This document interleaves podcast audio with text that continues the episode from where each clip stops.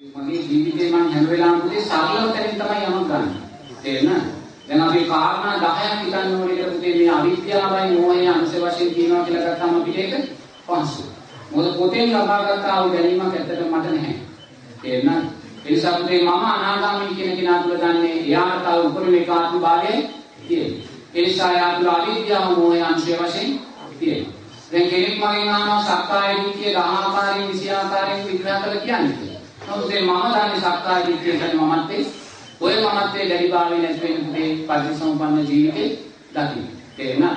ඒ නිසා දරුවෝ මගේ ජීවිතේ මම පොතින් පතින් ගත්තා වූ දැනුමක් මට ඇත්තටම මම කියන්නේ ඒක මට නැහැ. තේරුණා? මේ ධර්මාර්ගයේ ගමන් කිරීදී අපි දැක්කා වූ දෙයක් තමයි මට කියන්නේ. ඒ නිසා මට ඔය ඕරම්පියේ භාගම පරිදි කියන එක පුතන්නේ. ඇත්තටම ඕවා දැනගත්තා මම මේ ධර්මයේ කියන්නේ දැන් මම ඔය පැටලෙනවා. තේරුණාද? ඔය පැටලෙනවා. ඒ නිසා ආවංගව මම වචන කියන්න මම දන්නේ. ඒ කියන්නේ ඒවා අවශ්‍යනේ නැහැ. අපි අපි පැවිදි වෙච්ච දවසේ ඉඳන් කරේ අපි පුරවාගෙන හිටපු දැනුම ඉස්තර. දැනුම කියන්නේ පුතේ බාධකයක්මයි නෙවෙයි. නමුත් දැනුම අවශ්‍යයි ප්‍රඥාව. නමුත් දැනුම යම් වෙලාවකින් අපි ඒක අතහරිනවා. තේරෙනවද? අතහරිනවා. මට මතකයි මම පැවිදි වෙච්ච දවසේම රාත්‍රියේ මාව පැවිදි කරපු නායක ස්වාමීන් වහන්සේ නෙවෙයි ඊළඟ ස්වාමීන් වහන්සේ රෑ මගේ කුටියට ඇවිල්ලා මට කිව්වා සාමණේර බණදහම් පොත දීලා ස්වාමීන් වහන්සේ ආමුරුවනේ මෙන්න මේ ගාථා හතර පාඩම් කළා මට දවස් හතරකින් දෙන්න. තේරෙනවද? ඒතකොට මට වයස අවුරුදු 43යි. මට සාමණේර බණදහම් පොතේ මේක පාඩම් කරලා දෙන්න කිව්වා. තේරෙනවද? නමුත් ඒ වෙලාවේ මම ඒ ස්වාමීන් වහන්සේගේ ස්වාමීන් වහන්සේ මම පැවිදි වුණේ නැවත යමක් ඉගෙන ගන්න නෙමෙයි. නැවත දැනුම පුරව ගන්න අපි ගොඩාක් කියවලා තියෙනවා ගොඩාක් දේවල් හදාලා තියෙනවා මම පැවිදුනේ කුටේ මේ පුරවගත්තා වූ දේවල් ඉස් කරන්න. ඒ නිසා ස්වාමීන් වහන්සේ මට නැවත මම පාඩම් කරන්නේ නැහැ. නමුත් ඒක මම තව කාටවත් ආදර්ශ ගන්න කියලා කියන්නේ නැහැ. සාමාන්‍ය ඒක වැරදි. ඒක තමයි කියේ වැරදි. නමුත් ඒ මම ආපු ගමන මම කියන්නේ. එහෙනම් මම ආපු ගමන කියෙදි මම ඒක වාචික දෙයක් කියනවා නම් ඒක තව කෙනෙකුට කරන්න අසාධාරණයි. තේරෙනවද? එතන මම උන්වහන්සේ දිව්‍ය ස්වාමීන් වහන්සේ මම නැවත යමක් මගේ ජීවිතයට පුරවගන්නේ නැහැ. මම පුරවගත්තා වූ දැනුමයි හිස් කරන්නේ මම පැවිදි. ඒ නිසා මට මේක කරන්න එපා කියලා උන්වහන්සේ කිව්වේ මේක යථාර්ථ කවිතක් කියලා මාත් වන්නා කියලා. මට කරන්න දෙයක් නැහැ. මට කරන්න දෙයක් නැහැ. නමුත් ඒ පැවිදි යථාර්ථ කවිතක් උනේ නැහැ. නමුත් මම දැනගන්නේ ඒක යථාර්ථ කවිතක් වෙන්නේ නැහැ කියලා. නමුත් ඒක සැබෑම බුදුරජාණන් වහන්සේගේ පැවිද්දක් වුණා. නමුත් මම කාටවත් කියන්නේ නැහැ. ඔබලා පැවිදි වෙලා ඔබලාට සාමණේර බණ දහම් පොත දුන්නොත් ඒක කියවන්න එපා. ඒක ප්‍රතික්ෂේප කරන්න කියලා මම වෙන කාටවත් කියන්නේ නැහැ. මොකද ඒ වෙලාවේ මගේ වැඩිලා තිබ්බ ඉන්ද්‍රිය ධර්මයන් මම දන්නවා වෙන කෙනෙකුගේ වැඩිලා නැහැ. ඒතකොට මගේ වැඩිලා තිබ්බ ඉන්ද්‍රිය ධර්මයන් ප්‍රමාණයට ඉන්ද්‍රිය ධර්මයන් අනිත් කෙනාගේ වැඩිලා නැත්නම් එයා නායක හාමුදුරන්ට අරහෙම කියද්දිම එයා විනාශය කරාමයි යන්නේ. ඒ නිසා මම කරපු දේ තව කාටවත් කරන්න කියලා මම කොහෙත්ම කියන්නේ ඒ එහෙම නොකිය තුනත් දේ මම කරපු දේ මම කියන්නේ ඕන. තේරෙනවද? ඒ නිසා හිස් කිරීම තුලයි අවබෝධය තියෙන්නේ. ඒ නිසා හිස්කලා නම් පුතේ මම ඒක මම යම් දවසක මං සතරසරිපට්ඨාන ධර්මයන් මං සප්තබොජ්ජංගයන් කියන දේ මං සප්තබොජ්ජංග කියන්නේ මේවටයි කියලා මං දැනගෙන හිටියේ නැහැ. අවංකව කියන්නේ. මං මගේ ගුරුවරයාට ඇවිල්ලා කිව්වා ස්වාමීන් වහන්සේ ඊයේ රාත්‍රියේ මෙන්න මේ වගේ දෙයක් සිද්ධ වුණා. මා තුළ සතිය සීය හොඳින් පිහිටියා. ධර්මයේ පිළිබඳ මහා අවබෝධයක් සකස් වුණා. තේරෙනවද?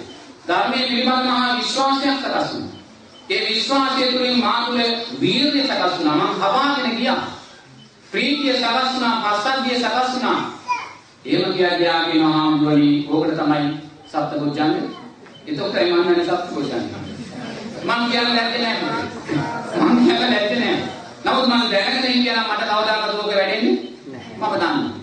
නොදැන හිතිය නිසාමයි පුතේ මට ඒක වැටුනේ. තේරෙනවද?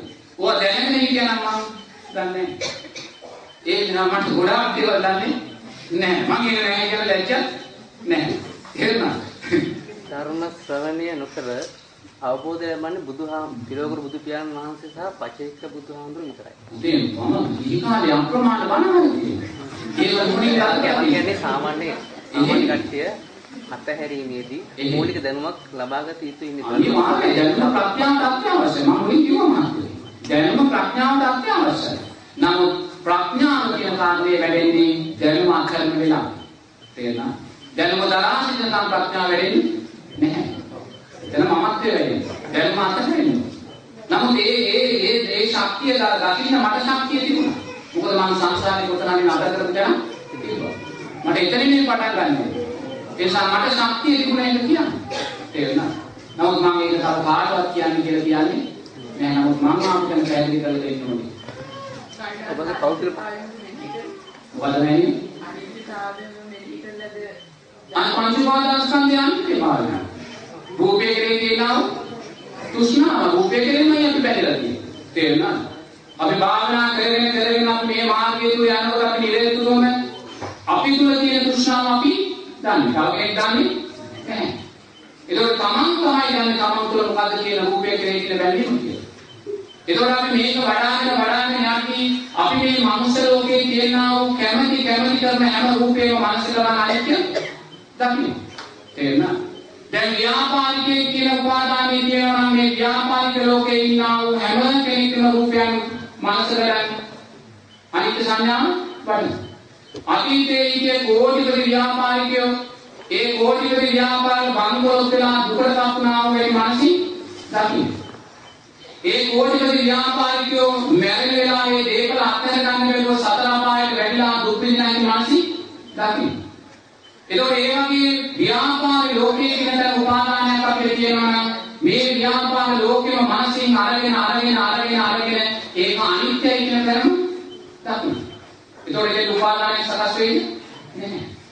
ඊට පස්සේ දේශපාලඥයා කියන තර අපිට උපාදානය සකස් වෙනවා නම් අපි දේශපාලඥයා කියන රූපේ මනසින් අරගෙන ඒකේ අනිත්‍ය සංඥාව දකින්න. ප්‍රේමදාස මහත්මයා මගේ ජීවිතේ මගේ පැවිදි ජීවිතේ ඔය ප්‍රේමදාස මහත්මයා ජේආර් මහත්මයා සිරිමා මහත්මිය දීපේ විජේතුන් මහත්මයාලා මරුණ හැටි දුක් විඳපු හැටි අවසාන ජීවත් වෙච්ච මානසික දැක්කා එන්න ඒගොල්ලෝ මේ තමන්ගේ අප්‍රමාණ සතර පායන්ට වැටෙනවා මානසික දැක්කා.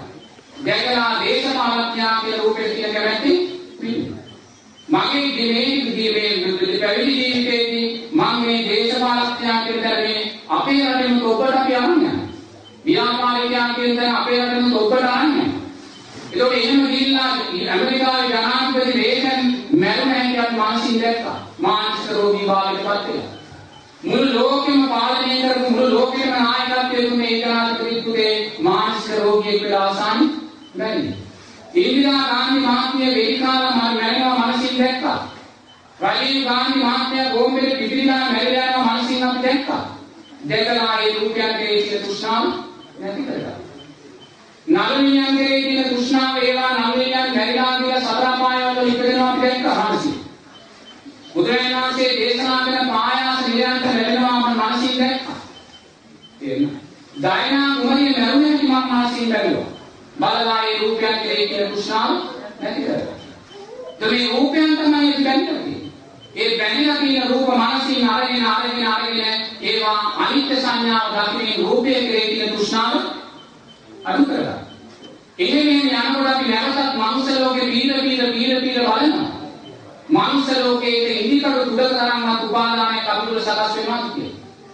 මොකද ඉදිකඩ තුඩ තරම්වත් උපාදානයක් මනුෂ්‍ය ලෝකයේ කෙරෙහි සකස් වෙනවා නම් විඥාණයට දැසගන්න එතනේ එයා ඒක අවබෝධයෙන් සම්බන්ධ.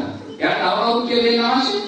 එයා බලනවා නැවත මනුෂ්‍ය ලෝකේ පීන පීන පීන පීන ඉනිකඩ කුඩක තරම්වත් උපාදානයක් බහින්න තරක් තියෙනවා. එයා දකිනවා නැවත මනුෂ්‍ය ලෝකේ ඉරේ උපාදානය මේක වඩලා වඩලා ගන්න ඕනේ. රූපයන්ගේ අනිත්‍යතාවය.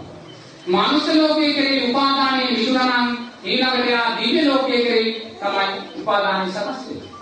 ඊට පස්සේ ආ දිව්‍යතල මනසින් පීර පීර බලනවා. තේරෙනවද? එයා දකිනවා බුදුරජාණන් වහන්සේ කියනවා මේ ශාස්ත්‍රීය දෙවිවරු දිව්‍ය ලෝකයෙන් චුත වෙනකොට මල් පර වෙලා දහතිය දාලා හඬගෙන විලාප තියාගෙනයි චුත වෙන්නේ. එයා මනසින් මේ දෙවියාගේ අන්තිමාවි දකිනවා. මාර්ගඵලලාභී නොවන හැම දෙවියෙක්ම නැවත වැටි සතර පායට වැටිලා අප්‍රමාණ දුක් විඳිනවා මනසින් දකින්න.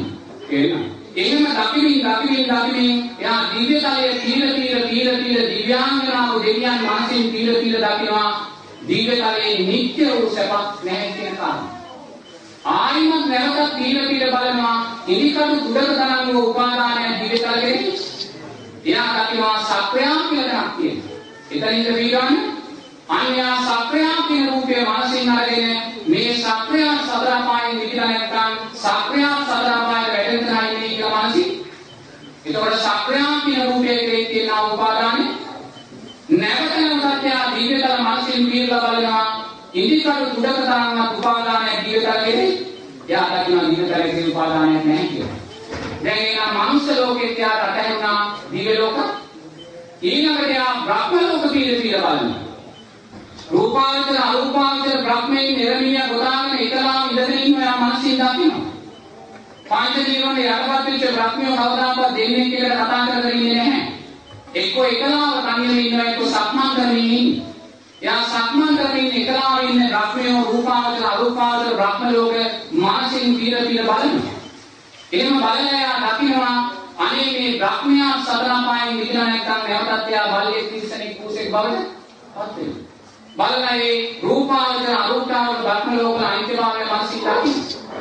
ඒව පීර පීර පීර පීර බ්‍රහ්මතල බලද්දී එයා බලනවා ඉනිකඩ කුඩක තරම්වත් උපාදානයක් බ්‍රහ්මතල කෙරෙහි එයා දකිනවා මහා ප්‍රඥා කියලා තැනක් තියෙනවා. එතන ඉඳ පිළිගන්න. එහෙනම් යා මහා ප්‍රඥා කියන රූපේ මනසින් අරගෙන යා දකිනවා මහා ප්‍රඥා සතර පායේ විදිලා නැත්තම් එයාත් නැවත සතර පායට වැටෙනවා. එහෙනම් ඒ රූපේ තියා අනිත්‍ය වශයෙන් දකිනවා. දැන් නැවතත් බලනවා ඉදිකඩ කුඩක තරම්වත් උපාදානයක් බ්‍රහ්මතල කෙරෙහි එයා දකිනවා නැහැ කියලා. එහෙමනම් මනුස්ස ලෝකයට යාට අතහැරුණා, දිව්‍ය ලෝකයට අතහැරුණා, බ්‍රහ්ම තලත් අතහැරුණා, බුදුරජාණන් වහන්සේ කියන යාගේ හිත පීඩන් වෙන තුලයි කියලා. වෙනද? ඉතින් ඒක තමයි රූපේ අනිත්‍යභාවයමයි මේ මාර්ගය තුල අපි ඉස්සරහට රූපයමයි දැන් වෙන දෙයක් නෙමෙයි. දැන් කෙනෙක් අපෙන් ආවම හාමුදුරනේ පස්ස කියන්නේ වේදනා කියන්නේ සංඥා කියන්නේ සංකාර කියන්නේ විඥානේ. ඉතින් ඒක කියන්නේ නෑ. රූපය අවබෝධ කරගනිද්දී සියල්ල අවබෝධ වෙනවා. නමුත් ඉතින් අපි යනවා.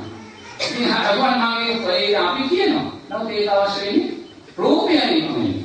රූපේ අනිත්‍යභාවයමයි අවබෝධ කරගනිද්දී වේදනා සංඥා සංකාර විඥාන අනිත්‍යයි කියලා අවබෝධ වෙනවා. එච්චර. ඉතින් ඒක අනිත්‍යයි කියන කාරණේමයි මේ ජීවිතය තුළ වැඩෙන්නේ මොකේ අනිත්‍යද? රූපය. ඉතින් අනිත්‍ය නම් පුතේ යමක් ඒක අපේ වශයෙන් තියෙන්නේ නැහැ. මේ හැම මට ඕන ආකාරයට කියනවාද? ඒක අනාත්මයි. ආත්මීය භාවයක් නැහැ. ඒක අනිත්‍ය නිසා. ඒ නිසාමයි දුක සකස් වෙන්නේ. ඉතින් මේ කාරණාත් මේකට බැඳලා